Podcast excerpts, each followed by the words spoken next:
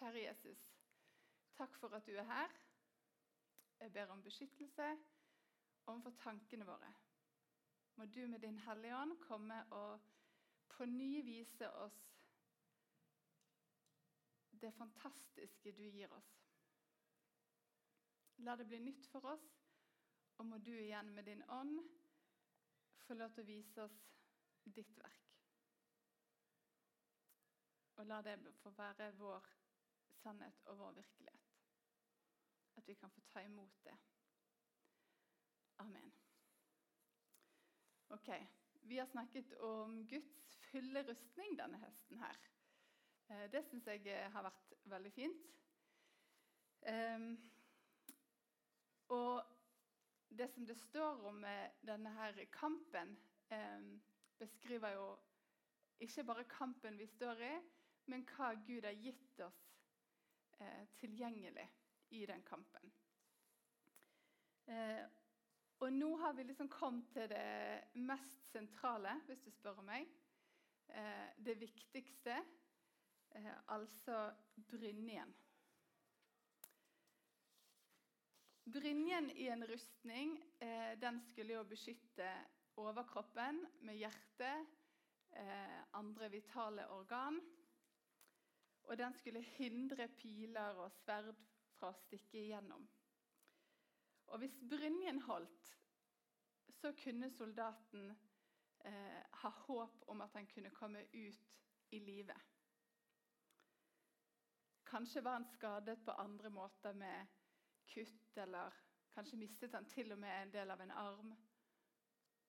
Andre viktige ting, men brynjen kunne redde livet hans. Det var hans viktigste beskyttelse. Og uavhengig hvor mange våpen denne soldaten var utstyrt med, så var ingenting viktigere enn den beskyttelsen som han hadde. For om han ikke hadde denne brynjen, tross andre våpen, så var han sårbar og et lett bytte for motstanderen. Og så er det jo sånn at eh, denne beskrivelsen her som vi skal lese nå, eh, den er jo ikke mot mennesker eller en krig mot andre. Så bare lytt når jeg leser fra Efesene 6, 12-18. Ta på dere Guds fulle rustning, så dere kan holde stand mot djevelens listige angrep. For vi har ikke en kamp mot kjøtt og blod, men mot maktene, mot myndighetene, mot verdens herskere i dette mørket, mot ondskapens ånde her i himmelrommet. Ta derfor Guds fulle rustning på, så dere kan gjøre motstand på den onde dag og bli stående etter å ha overvunnet alt. Stå da ombundet med sannhetens belte om livet og vær iført rettferdighetens brynje. Ha som sko på føttene den beredskap som fredens evangelium gir. Grip fremfor alt troens skjold, så dere kan slukke alle den ondes brennende piler med. Ta frelsens hjelm og åndens sverd, som er Guds ord. Be til enhver tid i ånden med all bønn og påkallelse. Vær årvåkne i dette med all utholdenhet i bønn for alle de hellige. Og vi er kommet til Vær iført rettferdighetens brynje.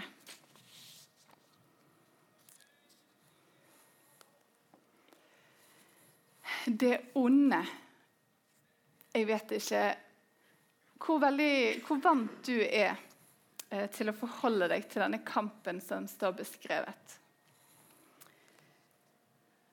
Til det som vi ikke ser, til djevelen og hans hær For å sitere C.S. Lewis så, det, eh, så, han, så, sier han at det er to feilgrep eh, når det kommer til djevelen. Og begge to er like gale. Og Det ene er å eh, være interessert, ha en overdreven og usunn interesse for dem. Og den andre er å tro at de ikke eksisterer. Ifølge Louis så hilser djevelen velkommen både djeveltilhengeren og materialisten med like stor glede. Eh, noen av dere har eh, kanskje lest denne boken her.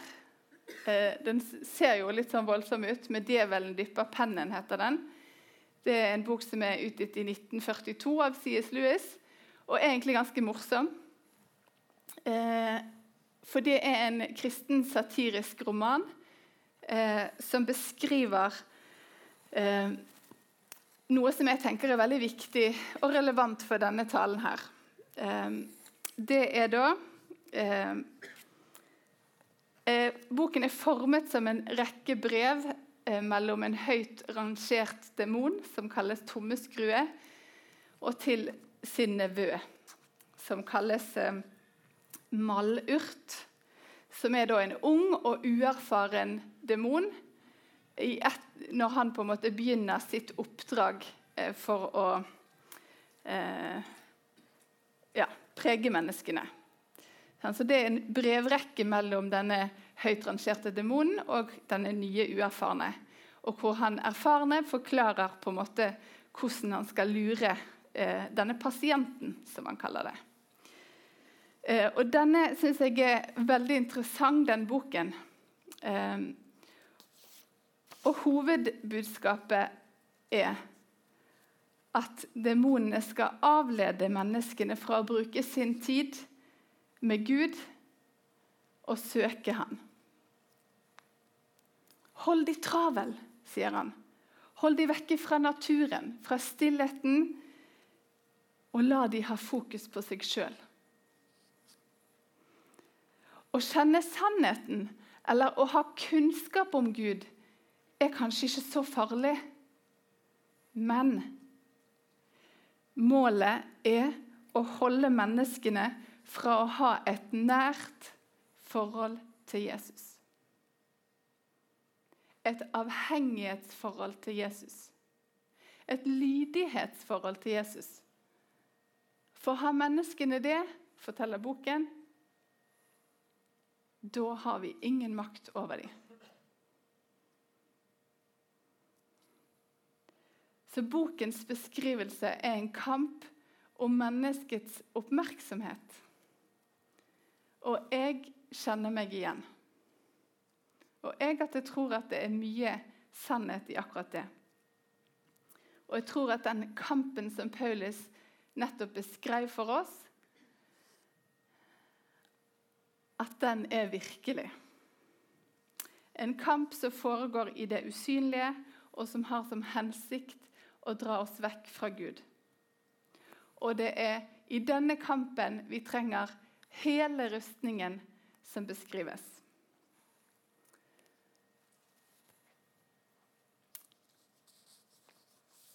Og så er det denne brynjen kalt, eh, som jeg skal snakke om, rettferdighetens brynje. Og er det ikke fantastisk å få lov til å snakke om det når vi nettopp har hatt dåp? Solveig har sunget en nydelig sang.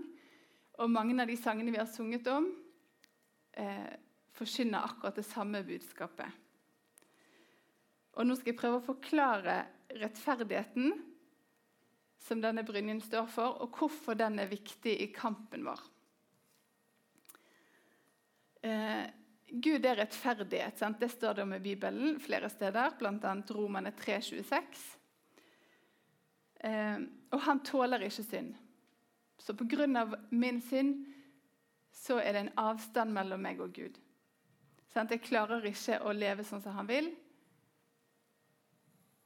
Og med mitt liv så kan jeg ikke ha fellesskap med Gud.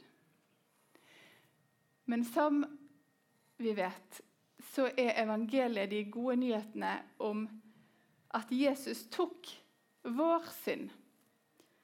Han seiret over døden han oppfylte profetiene, og han levde det livet som Gud krevde.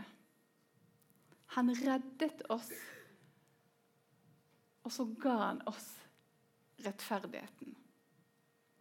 I andre kor 5, 21, så står det Han som ikke visste av synd, har Gud gjort til synd for oss, for at vi skulle få Guds rettferdighet. Og dette er så selvsagt, men jeg ber om at vi må prøve å liksom bare se det litt på nytt igjen. For det her er helt uh, vanvittig. sant? Du og meg vi har fått en rettferdighetsstatus. En domsavsigelse hvor Gud erklærer deg rettferdig. Fordi du tror, og fordi Gud har gjort det mulig. Sånn, kun nåde. Og her kommer vi jo til kjernen av troen, som det er av og til litt lett å på en måte la være å ha fokus på. Men Gud har gjort oss rettferdig. Og det er Jesu liv, ikke mitt, som beskytter meg. Både i dette livet og i evigheten. Og så har jeg lyst til at dere skal legge merke til Når jeg leste denne Guds fulle rustning, så sto det at vi skal være iført. Vi skal være iført rettferdighetens brynje. Det er ikke noe annet vi skal gjøre enn å ta det på.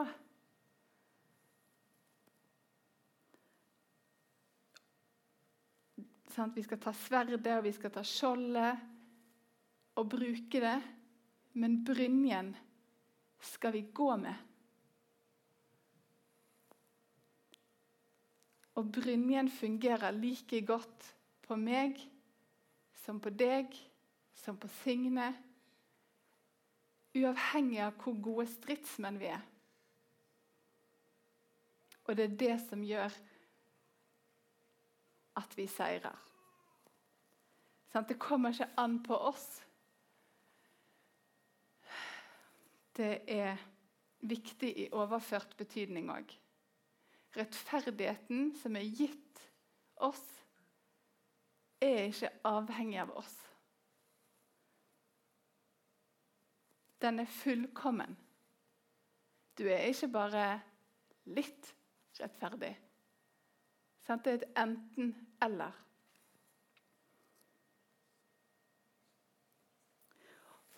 Og så når jeg har eh, jobbet med denne talen, så kjenner jeg at dette har jeg hørt en million ganger før.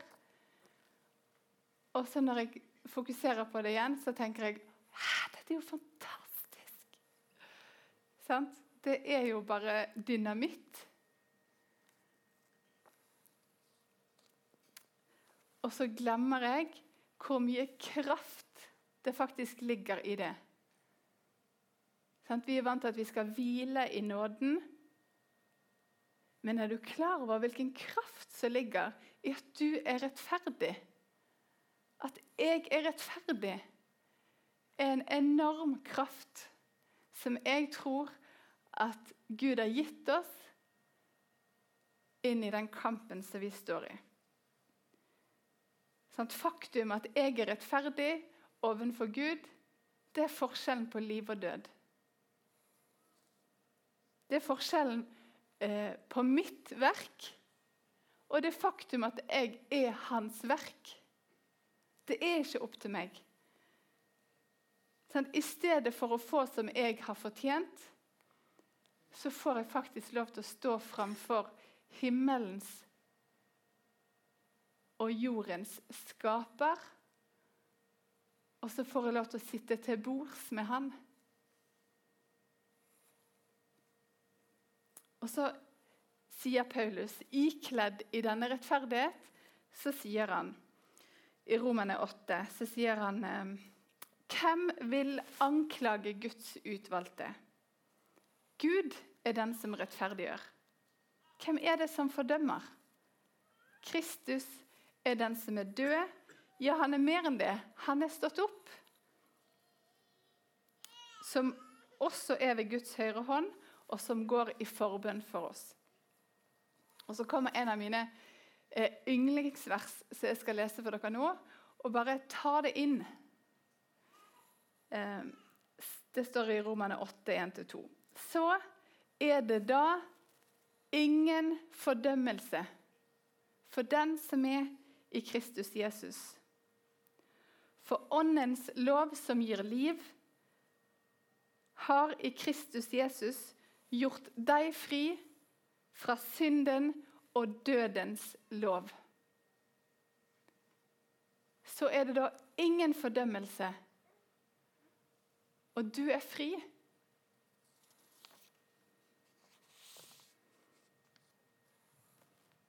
Og så prøver djevelen å friste oss. I denne kampen. Han prøver å stille spørsmålstegn med det Gud har sagt. Han prøver å så tvil. Akkurat som han gjorde i hagen til Eva. Har Gud virkelig sagt? Er det sånn at dere, dere skal gjerne ikke dø? Og det gjør han i dag òg. Har Gud virkelig egentlig sånn på ekte tilgitt deg? Se på deg sjøl. Det der går ikke. Og så er det så vanskelig, fordi at djevel ser jo mitt liv. Og han eh, Det han sier, virker ganske fornuftig, egentlig. sant? Um, og han tar oss på de her enormt sårbare tingene. For vi kjenner våre liv, og vi må jo gi han rett. Sant? Når vi ser på vårt liv, så må vi på en måte gi han rett. At eh, ja, jeg falt igjen. Ja, det stemmer. Jeg lyttet ikke. Og djevelens angrep virker så fornuftig, så logisk og så rett. Sant? I hvert fall hvis du eh, på noen måte ligner på meg, da. Eh, og når jeg trenger Guds nåde og tilgivelse, og at jeg trenger å høre dette her, at jeg faktisk er rettferdig, eh, så kan det være vanskeligst å tro det. Sånn, livet mitt vitner mot meg. Jeg fortjener det ikke. Og så har jeg lyst til å dra dere med inn i liksom hvordan jeg eh, før tenkte om synd. Eh, når jeg vokste opp, eh, så tenkte jeg at synd sant, det er jo alle de gale tingene jeg gjør, alle de gode tingene jeg ikke gjør. Og så er det en sånn eh, ting at jeg selvfølgelig skal be Gud om tilgivelse for det gale jeg gjør. Så så jeg for meg hvordan jeg har dette bildet fra, jeg er jo ikke så godt å si det, men jeg så for meg at det var en stor bok. sant? Så Gud skrev ned all all min synd i. Så kom jeg til Gud, og så skrev han ned.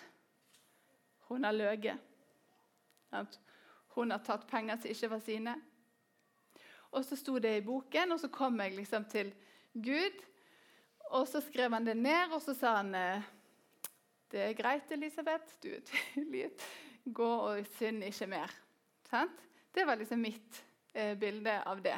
Og hver gang jeg kom, sant? Eh, og jo eldre jeg ble, jo mer tynget ble jeg. For det, var jo ikke det at jeg kom med nye ting hele tiden. sant? Jeg kommer jo med de samme. Um, og man føler seg Eller jeg følte meg litt tynget over det. sant? Jeg vet du har prøvd å lære meg dette her igjen, Gud. Jeg klarte det ikke. Sant? Og så en gang så var det en fantastisk opplevelse for meg for det var som om at jeg kom til Gud tynget og liksom fæl eh, og ba om tilgivelse. Og så billedlig, selvfølgelig. Sant? At jeg akkurat så fikk Gud sa 'Kom her, Lisbeth. Nå skal du se på denne boken.' Eh, så kommer jeg og så Ja, OK, uff, vil jeg det? sant? Så kommer jeg frem for Gud, og så ser jeg denne boken, og så er den tom! Ah. For meg så var det sånn helt revolusjonerende eh, nytt for meg. For jeg hadde tenkt at Gud bar på alle disse tingene som jeg hadde gjort gale. Og Det var nesten så han kunne liksom holde det over hodet mitt og se, se så Ja, du klarer det ikke, sant? Men så fikk jeg se det var jo ingenting i denne boken. Og det er så viktig at vi husker på. For det er Gud Guds tilgivelse er fullkommen. Sant? I Jesaja så står det jeg, jeg er den som utsletter dine misgjerninger for min skyld, og dine synder kommer jeg ikke i hu.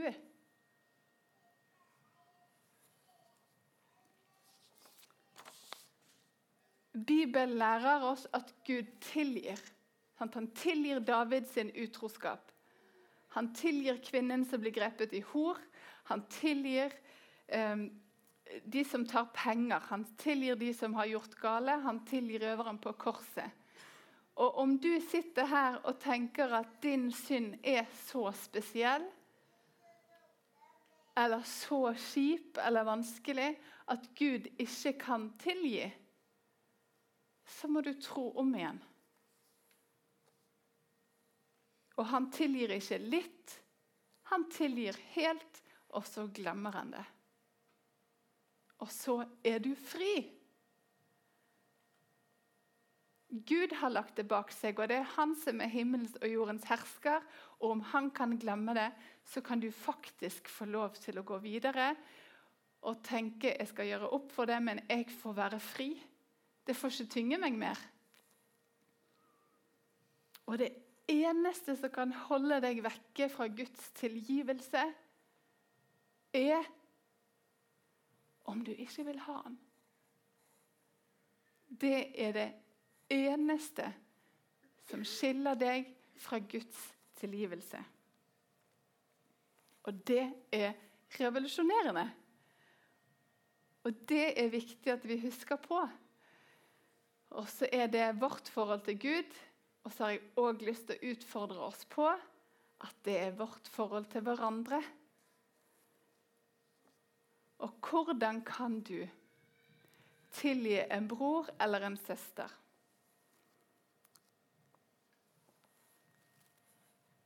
Først og fremst fordi at vi kan kjenne oss igjen. Vi kan få ha en dyp erkjennelse av at vi òg feiler.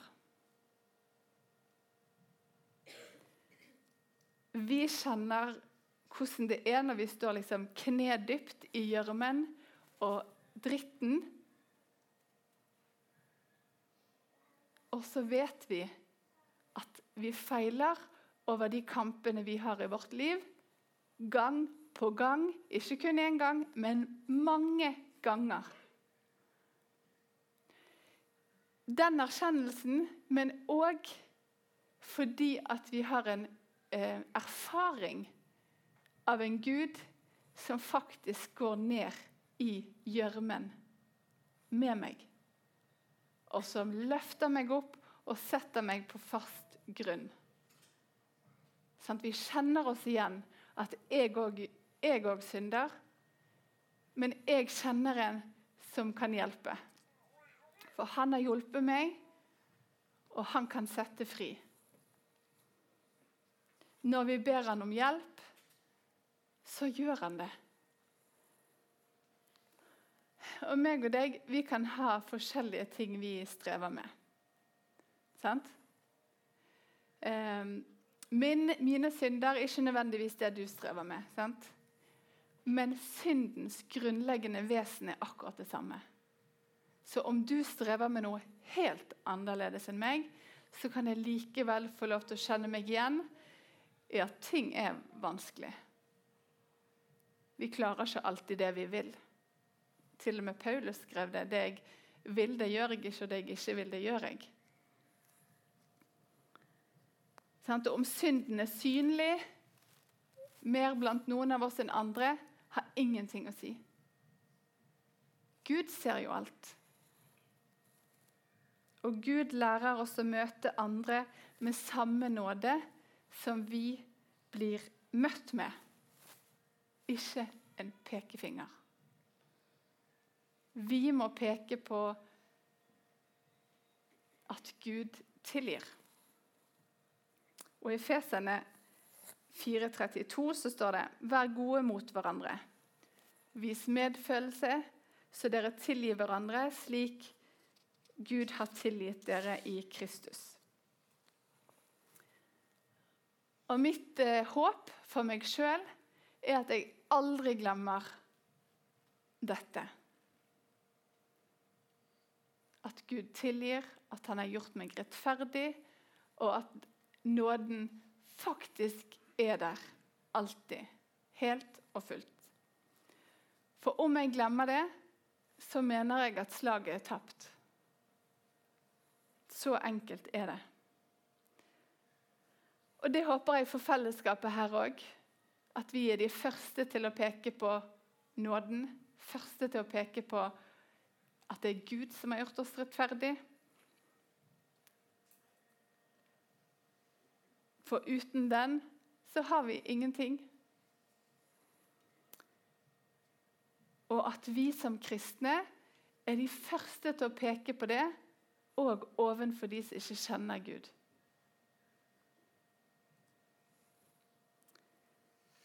Og så er det denne brynjen. sant?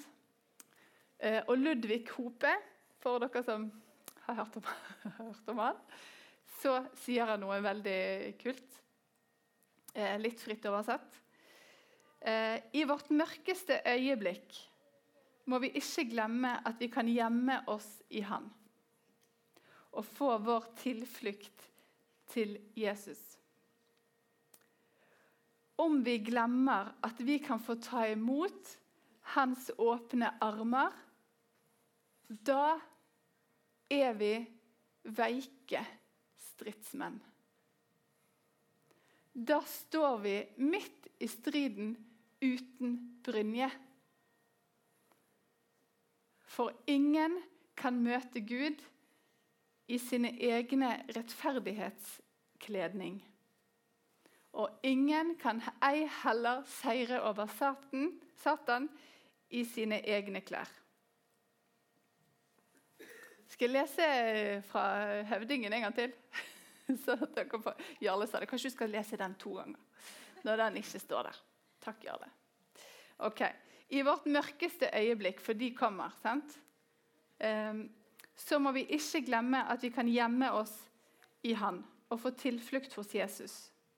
Om vi glemmer at vi kan få ta imot Hans åpne armer, da er vi veike stridsmenn. Da står vi midt i striden uten brynje.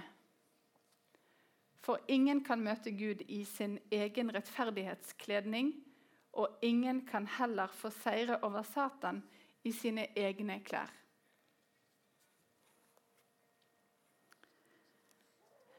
Nåden holder. Og det Jesus gjorde, er nok. Og jeg får være rettferdig. Du får være rettferdig. Og Vi trenger ikke å tvile på Guds nåde. Og jeg vet at I NLM så er det en kultur, og den skal ikke jeg angripe akkurat nå. men i forhold til det å liksom er, er, vi nå Guds barn? sant? Men kan jeg ikke Jeg skal kanskje angripe han litt likevel. Men vi kan faktisk vite, for det er ikke mitt liv. Det kommer jo ikke an på meg. Det sto ikke i manus for de som ikke lurte på det. Eh, og Jeg skal lese et av mine andre favorittvers. ikke sant? Eh, og Det står i 1. Johannes 5, 13. Dette har jeg skrevet til dere for at dere skal vite, vite at dere har evig liv. Dere som tror på Guds sønns navn. Og det er det som er brynjen. Den får vi gå med. Det er den som beskytter oss, for det er Jesu liv og ikke mitt. Og Jesu liv, det tviler vi ikke på. Og derfor trenger vi ikke å tvile på vår rettferdighet.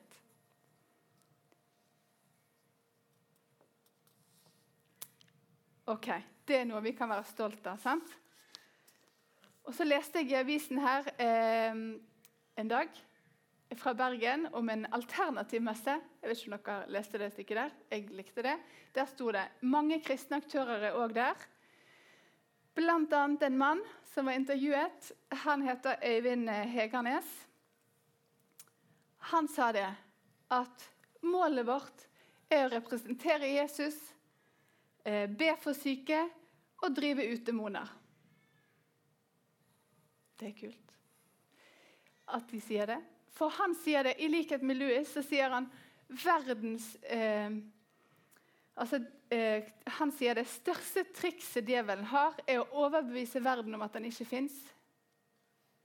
Og så er disse her eh, til stede på en alternativ messe i Bergen for tredje år på rad. Og i fjor så hadde noen healere klaget på dem fordi at kraften deres ikke funket når de var nær. Sant? Vi vil ikke ha han der, for det funker ikke med han der. Sant? Så måtte, de, så måtte de ut i gangen, faktisk. Men de var der. sant? Vi er i en kamp, eh, og den er virkelig, og vi trenger faktisk ikke å frykte. Vi trenger på ingen måte å gjemme oss. Gud har gitt oss alt. Vi har fått en evig arv. Og vi har fått en nåde som gjør at vi er rettferdige i det han har gjort. Vi får være med på hans plan. Her er det ingen elite. Det er ingen sesjon i denne kampen her. Det er ingen ekskludering. Og egentlig er det faktisk ikke et valg om du vil være med i den kampen eller ikke. Det er ikke frivillig. Den foregår. Han trenger alle, og det er nok brynjer til alle. Egentlig så er det jo sånn at ja, den, den, foregår, den kampen. Og det er sånn at den brynjen funker uansett hvor god stridsmann eller -kvinne du måtte kjenne deg. Sant? Ikke glem at den fins, denne kampen. For det som er lett å gjøre, er at du glemmer å ta på deg rett utstyr. Sant? Om du tror at det ikke er en kamp, hvorfor skal du da ta på deg dette? Husk på det. Vær klar. Vi er på hans lag i en kamp som han allerede har vunnet. Så ta på deg denne brynjen, og be den som sitter ved siden av deg, å ta på sin. For vi kan få lov til å kjempe på lag med han og ha fokus på de ferdiglagte gjerninger som han legger framfor oss. Og så kan vi fortjene han i frihet, tross våre feil, fordi Gud har gjort det mulig. Av nåde er dere frelst ved tro. Dette er ikke av dere selv, det er Guds gave. Det er ikke av gjerninger så ingen skal rose seg. For vi er Hans verk, skapt i Kristus Jesus til gode gjerninger, som Han på forhånd har lagt ferdige for at vi skulle vandre inn i dem. Amen. Det var det jeg hadde lyst til å dele i dag. Eh, da ber jeg kort, og så kommer eh, lovsangsteamet opp samtidig. Ja. Kjære himmelske Far, takk for det du har gjort. Takk at vi kan få være så enormt glad og takknemlig og stolt over ditt verk. Og så ser du at om dette skulle vært mitt, så er det intet. Så ber jeg om Din Hellige Ånd, at du kommer og lager dette Alle de stengslene vi har for å um, hindre ditt verk i oss, jeg ber om at du bryter det ned, og at du må få lov til å bygge stein på stein, at dette er ditt verk. At du har gjort oss rettferdig, og at vi må få se det. Det ber jeg om Jesus. Amen.